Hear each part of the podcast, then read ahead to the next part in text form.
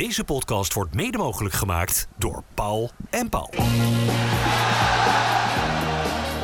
Dit is Rijnmond Sport, de podcast. Ja, goeiedag. Fijn dat je luistert naar een nieuwe podcast Feyenoord die we opnemen na toch wel een uh, bloedstollende ontknopingsfase in Heerenveen. Waar uh, Feyenoord een 2-1 overwinning in Friesland over de streep trok. Ik ga erover napraten met uh, Dennis van Eersel en Dennis Kranenburg. Ja mannen, maakte Feyenoord het, het zichzelf vandaag onnodig lastig uiteindelijk nog? Ja, zeker gezien de tussenstand vind ik. Want het is tot de laatste seconde spannend. Als je kijkt wat Feyenoord nou eigenlijk daadwerkelijk aan grote kansen heeft weggegeven, dan vind ik dat wel meevallen. Um, echt in de problemen vind ik is, is Feyenoord niet geweest. Maar dat klinkt misschien wat raar om dat te zeggen als het in de laatste seconde slechts uh, 2 in voorsprong is. In hoeverre heb jij op het puntje van je stoel gezeten, Dennis Kranenburg, in de laatste minuten? Nou, ik denk eigenlijk wel zoals Dennis het ook zegt. Je voelt wel dat de druk van Heerenveen wat toe begon te nemen.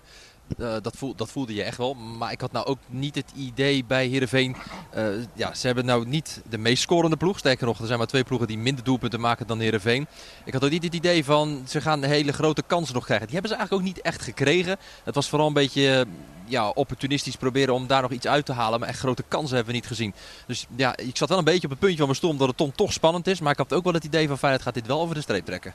Rood, wit, bloed, zweet. Geen woorden maar daden. Alles over Feyenoord.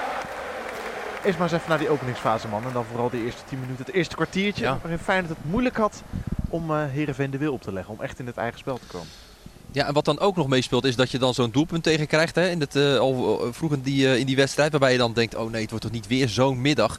Ja, gelukkig voor Feyenoord werd die dan afgekeurd. Want ja, het was niet geweldig, vond ik ook in het begin van Feyenoord. Tot aan dat doelpunt. Daarna zag je echt wel iets veranderen. Vlak daarna maakt Feyenoord ook de 1-0. Ja, dat was ook wel echt het teken dat Feyenoord echt gewoon verreweg de bovenliggende partij was. Veel balbezit, veel op de uh, helft ook van, uh, van Heerenveen terug te vinden. Al moet ik eerlijk zeggen, er zijn ook niet mega veel kansen uit voortgekomen. Maar Feyenoord was wel echt oppermachtig, zeker in die eerste helft, nadat dat doelpunt van Heerenveen werd afgekeurd. Laten we even luisteren naar hoe dat klonk, dat afgekeurde doelpunt. Want het was een nogal bijzondere situatie. De hoekschop gaat genomen worden door Tom Haaien. Dat gaat hij doen vanaf de linkerkant van Feyenoord uitgezien. Wordt daar kort genomen, oh, ingebracht. Oh, oh Wellenreuter is gepasseerd. Goal! Het is Heerenveen dat voorkomt. Er gaan een heleboel handen de lucht in aan de kant van Feyenoord. Er wordt geclaimd dat het buitenspel is. Denk ik uiteindelijk dat uh, Bogniewicz het laatste zetje geeft. Waardoor Heerenveen op voorsprong komt. Hier gaat naar gekeken worden.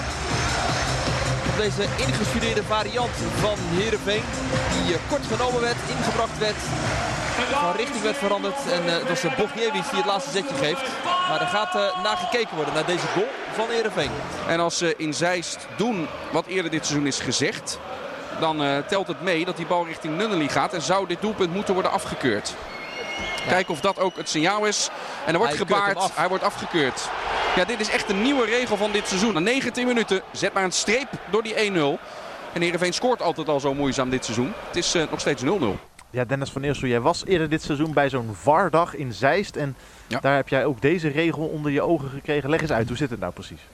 Nou, waar het vorig seizoen nog zo was dat als er een paas wordt gegeven richting een speler die buiten spel staat, als die dan nog wordt aangeraakt door een tegenstander, dan telt dat als een nieuwe situatie en dan wordt dat, uh, die buitenspelsituatie opgeheven. Het, het, komt zelden voor, dit soort momenten, maar die keren dat het zo is. Ik heb een paar voorbeelden toen die dag gezien dat het ook echt wel, wel onterecht voelde als een doelpunt dan zou blijven staan. Dit was zo'n voorbeeld geweest. Als hij uiteindelijk toch had geteld. Want ja, hij gaat via een Feyenoord, maar hij heeft er geen weet van. Hij heeft geen enkele controle over die bal.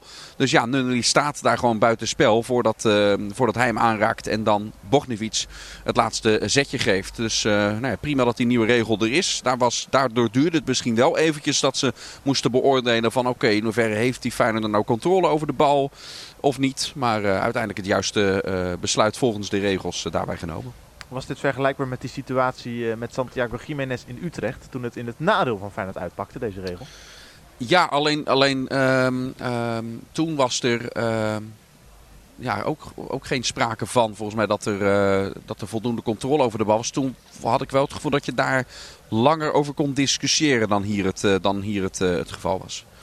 Nou leek het wel dat, dat Heerenveen na die afgekeurde 1-0 het even kwijt was. En Feyenoord er juist kracht uitputte. Je zag Slot ook echt nou ja, boos aan de zeilen met zijn armen zwaaien van kom op nou, word nou eens wakker. En dat leek Feyenoord zich wel aan te grijpen. Ja, en ik kan me ook voorstellen dat op het moment dat je dus al zo weinig scoort als Heerenveen zijn... en er wordt er ook een doelpunt afgekeurd in een wedstrijd tegen Feyenoord... ja, dat ze ook echt zoiets hebben van, nou, het lijkt wel alsof het dan echt niet mee zit. Ja, en Feyenoord pakte dat moment ook wel gelijk aan om inderdaad de wedstrijd meer naar zich toe te trekken. Met vlak uh, daarna in de 22e minuut dat doelpunt van Geert Truida. Waarbij ook een heleboel handen de lucht in gingen vanwege uh, vermeend buitenspel. Dat door de Vriezen was uh, gezien. Waar helemaal geen sprake van, uh, van was. Ja, en dat was ook wel dat je dan denkt op voorsprong te komen. Het duurt dan eventjes. Nou, dan blijkt dat het niet zo is.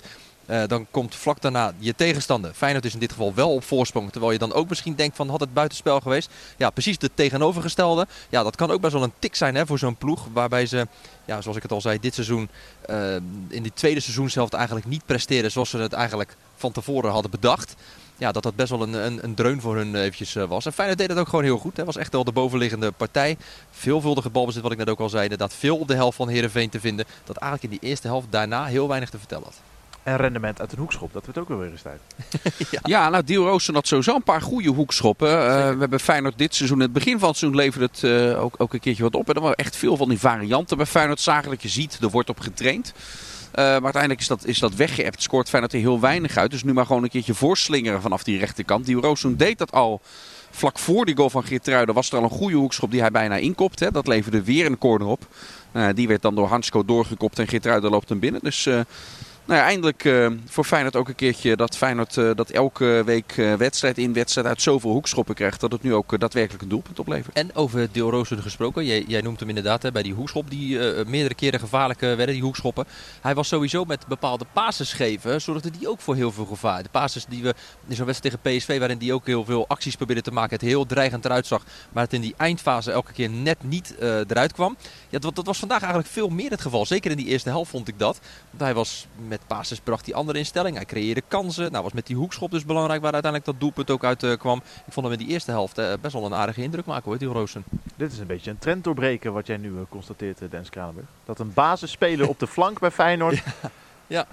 rendement of in ieder geval goede dingen laat zien. Ja, nee, maar dat vond ik ook echt. Want ja, wat ik net zeg, hij gaf, uh, hij gaf op een gegeven moment een paar keer een paas ook uh, richting Pedersen. Die had het overzicht. Ik vond dat hij het echt wel, uh, echt wel aardig deed. Het is ook wel een mooie bekroning voor Lutjero Geertruiden. Dat hij weer eens belangrijk kan zijn met zo'n doelpunt. Een bekroning op weken waarin hij zich gewoon een meer dan solide vervanger toont voor Gernot Trauner. Nou, het is knap dat het gaat helemaal niet zo vaak over Gernot Trauner. En dat is misschien wel het grootste compliment dat je Geertruida daar dan in kan geven. Hè. Die, die, ja, natuurlijk is het een ander type verdediger. Ik vind uh, Trauner, die, die, die leest, is ook meer ervaren. De, de situatie is net al wat beter. Maar Geertruida, die, die kan ook bikkelen en staat zijn mannetje. En komt steeds beter in zijn spel, in zijn ritme. Ook, ook als hij zelf aan de bal is in, in de opbouw. Ja, nu doet hij ook weer een keertje wat we hem onder advocaat natuurlijk hebben, hebben zien doen. Hè? scoren. Tweede keer, ja, als die verdedigers van Feyenoord, als uh, dat Moyen ook wat, uh, wat omhoog gaat. Dat is ook weer een extra wapen voor, voor Feyenoord. Dus ja, ik vind het altijd leuk om uh, Geertruida te zien excelleren. Toch echt... Ja, speler en kind van de club, opgeleid. Je merkt ook dat het hem iets doet. Het, het spelen voor Feyenoord, het goed doen voor Feyenoord. Bij Kuksu zie je dat er...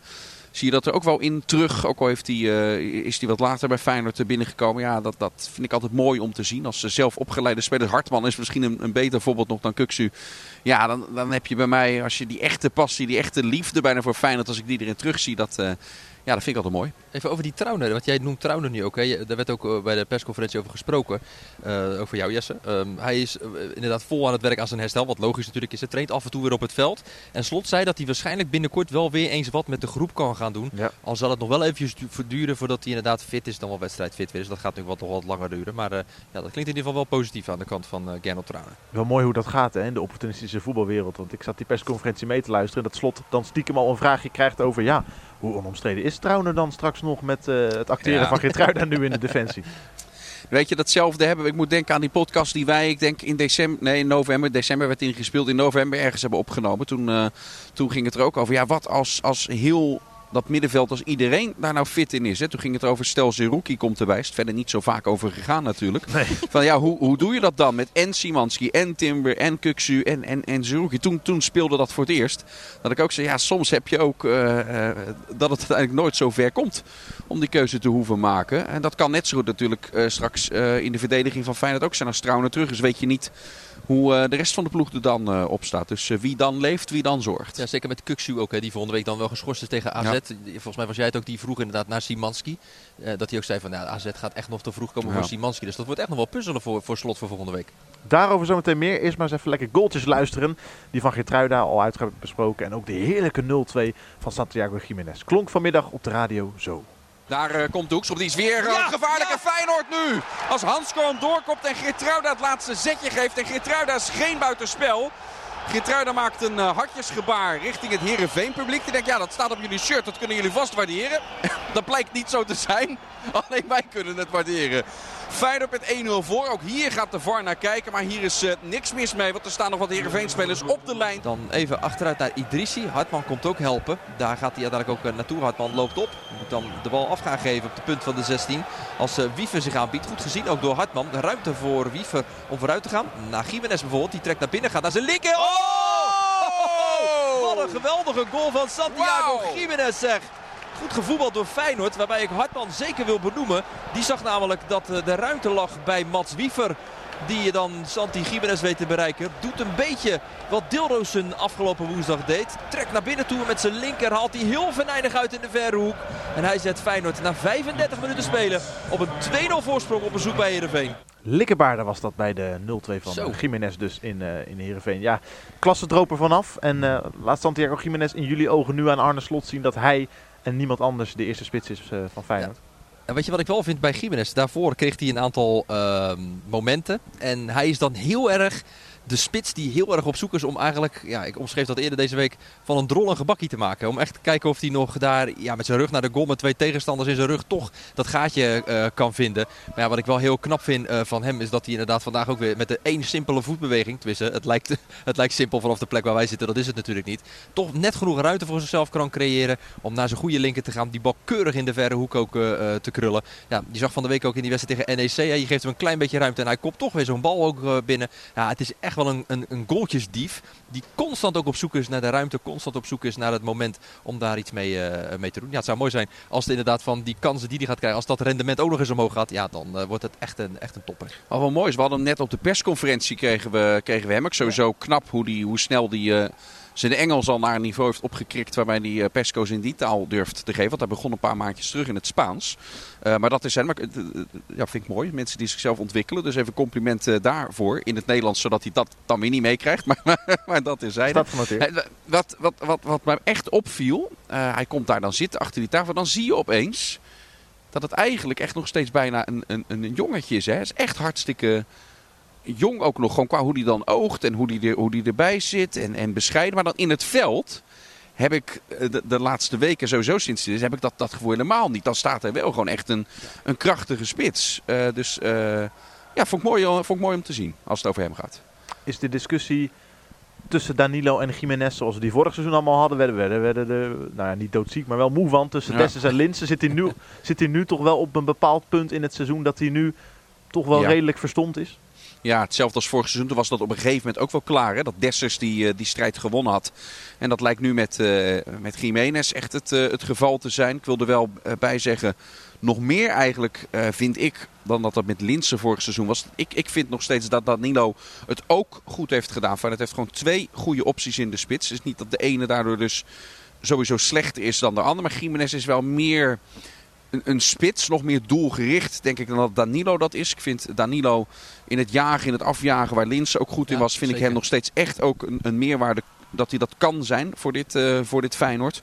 Uh, maar uiteindelijk ook voor de langere termijn, uh, leeftijden erbij pakken, denk ik dat Jiménez meer uiteindelijk de vaste spits van Feyenoord kan uh, worden dan dat uh, Danilo uh, dat is. Maar ja, die heb ik er ook toch nog steeds graag in deze selectie als type bij hoor, die Danilo. Dan ben ik wel heel benieuwd hoe, zich, hoe die zich daar ook op gaat instellen. Want hij heeft volgens mij wel eens eerder een, ja, gesprek gehad waarin er werd gezegd van, ja, dat hij niet zijn kop moest laten hangen. Dat hij ja. dus wel zich moest blijven laten zien. Ik ben ook wel benieuwd hoe hij inderdaad, als hij inderdaad op dat tweede plan blijft acteren. Dus vooral als invaller actief zal zijn. Hoe die ook daar dan weer uit gaat komen. Of hij zich daar dan voorlopig bij kan neerleggen. En de momenten die hij dan krijgt, of hij dan ook gaat laten zien wat hij in huis heeft.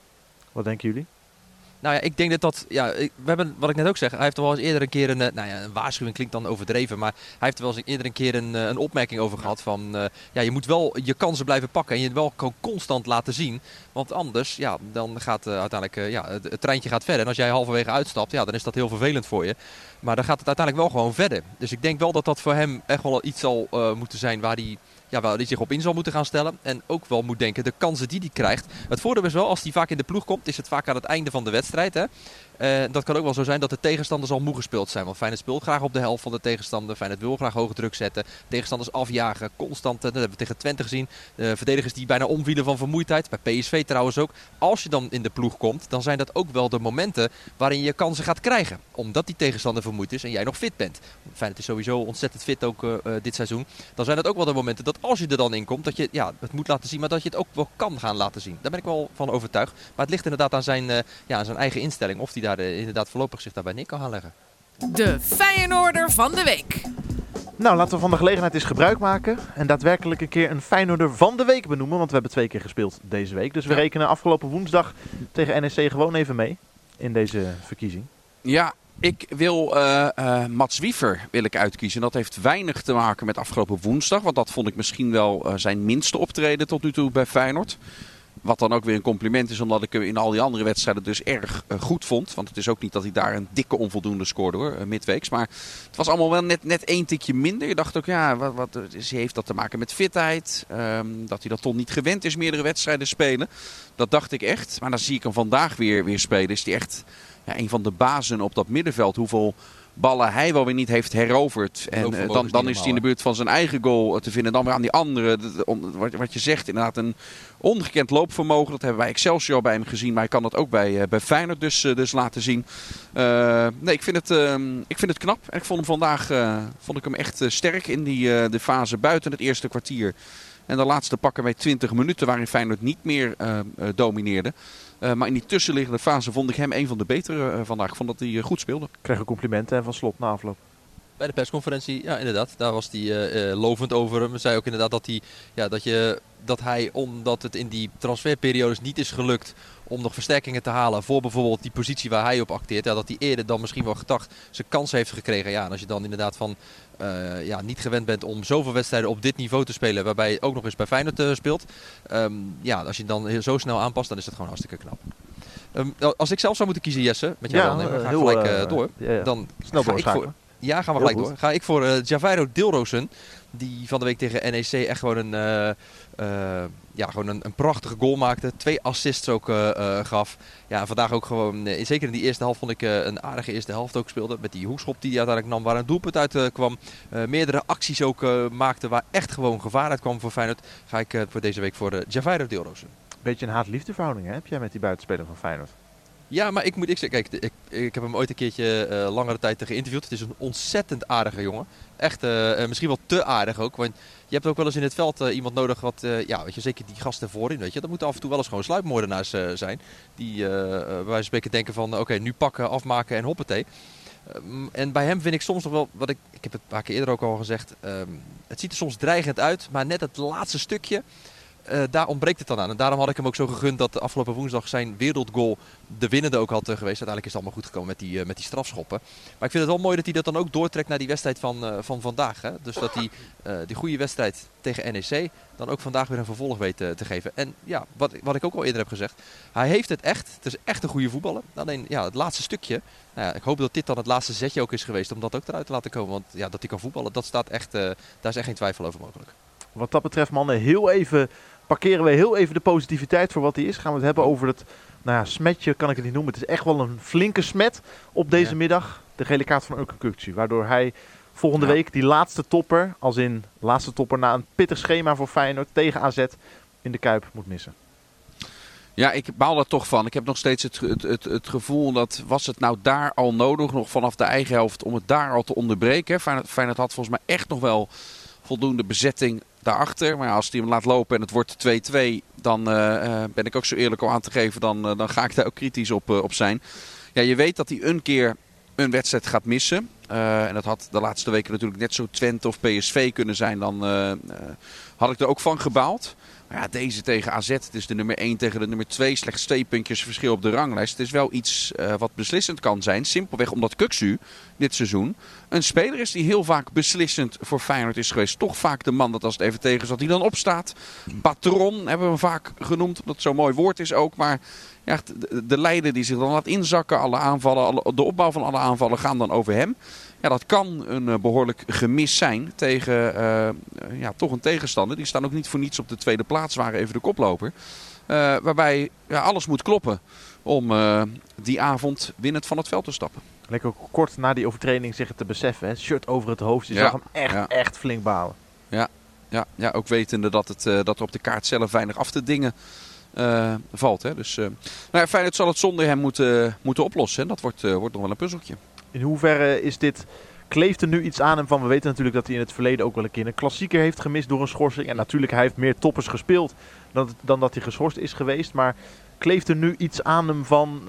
Of is dat, is dat puur opgepompt dat hij vaker toppers heeft gemist door schorsingen? Ja, en weet je, het is natuurlijk ook gewoon voorop gaan in de strijd. Hè? Waardoor je gewoon eens een gele kaart kan pakken. Zeker als, uh, ja, op het als middenvelder, dan maak je wel eens een overtreding. Er gebeurt wel eens wat waardoor je een gele kaart krijgt. Kijk, en hij heeft natuurlijk al meerdere wedstrijden dat hij op vier gele kaarten staat. Ja, dan weet je dat er een keer een schorsing aan gaat komen. En vandaag ook, het is in het heet van de strijd. Het is niet dat hij bij zichzelf denkt van... Goh, we spelen volgende week tegen AZ, laat ik eens een gele kaart pakken. Want ik heb geen zin in die wedstrijd. Want als er iemand topwedstrijden wil spelen, dan is het Orkun Kuksu. Maar hij wist ook vandaag, ja, er moet echt wel wat gebeuren om deze wedstrijd uh, uiteindelijk over de streep te trekken. Want het gebeurde in de tweede helft toen uh, uh, Heerenveen ja, wat meer aan het drukken was. Ja, en dan kan het gewoon gebeuren dat je een gele, kaart, uh, een gele kaart pakt. Maar dat het vervelend is, vooral voor hem en voor Feyenoord, dat is natuurlijk uh, iets wat, wat zeker is. Het maakt het extra zuur dat je vandaag in die eerste helft niet op een gegeven moment in de laatste 10 Ja. minuten doordrukt Ja, richting eh, 0-3, 0-4.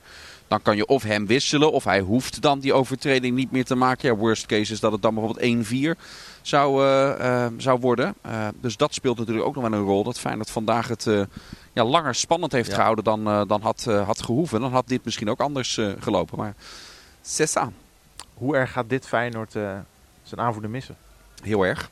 Heel erg, want hij is heel erg belangrijk voor, voor dit Feyenoord. Al een paar keer gezegd in deze podcast dat hij ook ehm, onhoudbaar is eigenlijk voor Feyenoord na dit seizoen. Eh, begint het niveau van Feyenoord, misschien is hij dat al, te ontstijgen. Dus ja, dat is een speler die niet te vervangen is. Uiteraard gaat er iemand anders op zijn plek staan. Maar de kwaliteiten van Kuksu zitten, eh, heeft niemand anders, eh, denk ik, in, in deze gradatie, in deze selectie.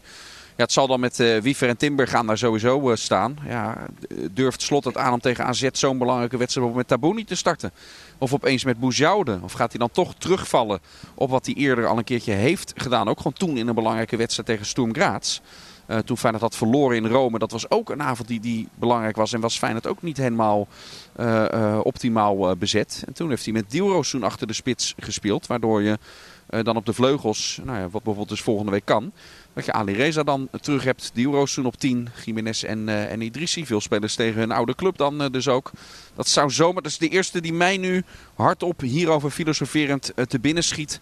eh, hoe, eh, hoe Slot het kan oplossen eh, als hij niet bijvoorbeeld het aandurft met Tabouni. Ik ben ook wel heel benieuwd wie uiteindelijk die handschoen op gaat pakken eh, van het aanjagen. Want hij is niet alleen eh, ja, degene die eh, ja, belangrijk is met de doelpunten van afstand schieten, Ja. ook, hè, weet ik het allemaal. Maar hij is vooral ook degene die echt het signaal geeft. Nu Daar gaan ga- we met z'n allen druk zetten. Daar ga je hem echt in missen. Daar ga je hem echt in missen. Want hij is degene die echt eh, eh, het druk zetten initieert. Hij is degene ook die de opbouw verzorgt. Laat zich vaak heel vaak terugzakken. Zagen vooral ook goed in die wedstrijd tegen FC Groningen. hè, Dat hij bijna als een soort laatste man speelt. Waardoor Wiever wat verder naar voren kon. Dat hij wat meer op kon lopen.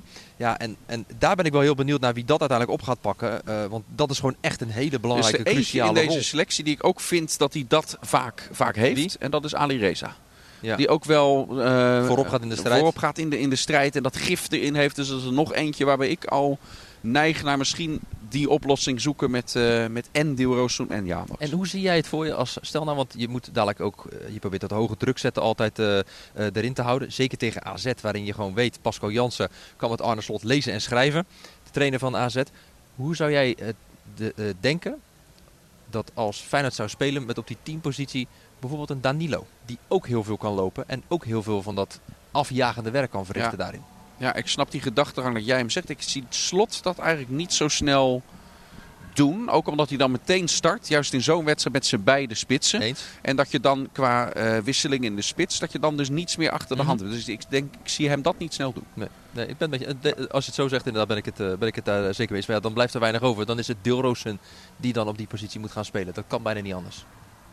Nou, we zijn eruit, Jesse. De glazen bol. Nou, mooi. Kunnen we gaan voorspellen. Ik ben benieuwd in hoeverre het ontbreken van Kukcu jullie voorspelling voor komende zaterdag heeft veranderd. 2-1, twee keer Idrissi. Ja. Let maar op. Nee, ik ga dan voor... eh, ja, Ik twijfel nu alweer. en Nee, niks ervan. Ik, en toch denk ik dat Feyenoord in de Kuip, eh, met het publiek erachter, wetende wat het belang van deze wedstrijd is, dat Feyenoord deze wedstrijd gaat winnen. Want het verschil is maar twee punten eh, in de Rotterdamse voordeel. Ik denk dat het 1-0 wordt. Nou, laat ik hem aan, aan Santi geven. Santiago Jiménez. Ja, maar mannen, als Feyenoord thuis van de nummer 2 wint, met een geschorste aanvoerder die er dus niet bij is, ja, dan kan het daarna helemaal Noteer niet. het nou maar, Jesse. Ja, maar Feyenoord gaat dit seizoen twee Maar wat prijzen wil jij pakken. zeggen dan? Wat zeg jij dan? 0-3? Nee, Wat is helemaal dit niet. nou weer? Nee, helemaal Wat is niet. dit nou weer? Nee, ik, wil, ik wilde alleen maar zeggen, als, als, als we thuis van AZ winnen, zonder Kukcu, dan kan het toch dit seizoen niet meer mis. Maar dat gaat, Nou. ook, dat gaat ook gebeuren. Feyenoord gaat en kampioen worden. En Feyenoord gaat hier in eh, eh, 1 maart de, door naar de halve finale van de beker. En ook Ja, die maar hier- ik gaat moet zeggen, pakken. terwijl- Noteer het nou terwijl, we, terwijl we dit opnemen, ja, komt hij weer. Maar ik vind dit, eh, staat Ajax nog steeds achter 1-0 tegen RKC? ja. Of is dat inmiddels Nee, eh, omgebogen? Nee, nog steeds. Ja, kijk, dus dit, dit kan enorm achterhaald zijn. Maar het voorafgaand aan deze speelronde is het gat maar drie punten met Ajax. Hè? En met nog zoveel wedstrijden te gaan, daar kun je die natuurlijk onmogelijk al, eh, al af gaan, eh, gaan schrijven. Met dat, dat beltje hebben we echt al te vaak eh gehakt. Ook in het verleden wel eens gezegd, wat dat betreft zijn het ook in wedstrijden onderling tussen Feyenoord en Ajax zijn, altijd net Duitsers wat dat betreft. Je hebt echt pas van gewonnen als die wedstrijd helemaal klaar is, helemaal afge, afgefloten. Dat heb ik bij Ajax ook altijd, wat ze daarover wel eens zeggen. Dus nee, ik durf ook als Feyenoord van AZ wint en dat gat wordt groter met, met AZ. Ja, voor mij blijft tot het eind van de rit Ajax de voornaamste concurrent. Al klinkt dat misschien gek terwijl AZ dichterbij staat, maar dat, dat vind ik al langere tijd gevoelsmatig. Ik vind het toch mooi hoe jullie elkaar dan aanvullen. Dat eh, de immer genuanceerde Dennis van Eersel keihard overruled wordt door Dennis Kranenburg. Die zegt, eh huppatee, we pakken de dubbel dit seizoen. Ja, ik heb, Ja, hey, van mij- dat zeg ik al langer. Van hè? mij mag het. en als het niet gebeurt, krijgt hij stokslagen. Dat, dat, dat, dat weet hij nog niet. Daarom waren Jan Dirk en Sinclair, die waren altijd wat, die gingen ook wel mee in de nuance. Want die denken, als Van Eersel de zweep eroverheen gooit, dan. Maar dat weet, dat weet hij nog niet. Dat weet hij nog niet. Dan gaat hij, nou, hopelijk hoeft hij het ook niet te merken. Nee, nou. Stel jij nog even een vraag, dan kan Nee, ik denk, dat, ik denk als, als we het over Dennis van Eersel en een zweepslagen gaan hebben, is het denk ik eh, Mm. tijd om eh, af te ronden. Glazen bol. Ja. Mm, de leren zweep. Bedankt voor het luisteren naar deze podcast Wat Feyenoord. zit We zijn er maandag. in dat Friese water. In dat Friese water zitten gekke dingen. Nou, ik denk dat het een berenburgertje was. Maandag zijn we er weer met FC Rijnmond. Voor nu dankjewel eh, voor het luisteren en eh, tot de volgende. Dit was Rijnmond Sport, de podcast. Meer sportnieuws op Rijnmond.nl en de Rijnmond app. Deze podcast werd mede mogelijk gemaakt door Paul en Paul.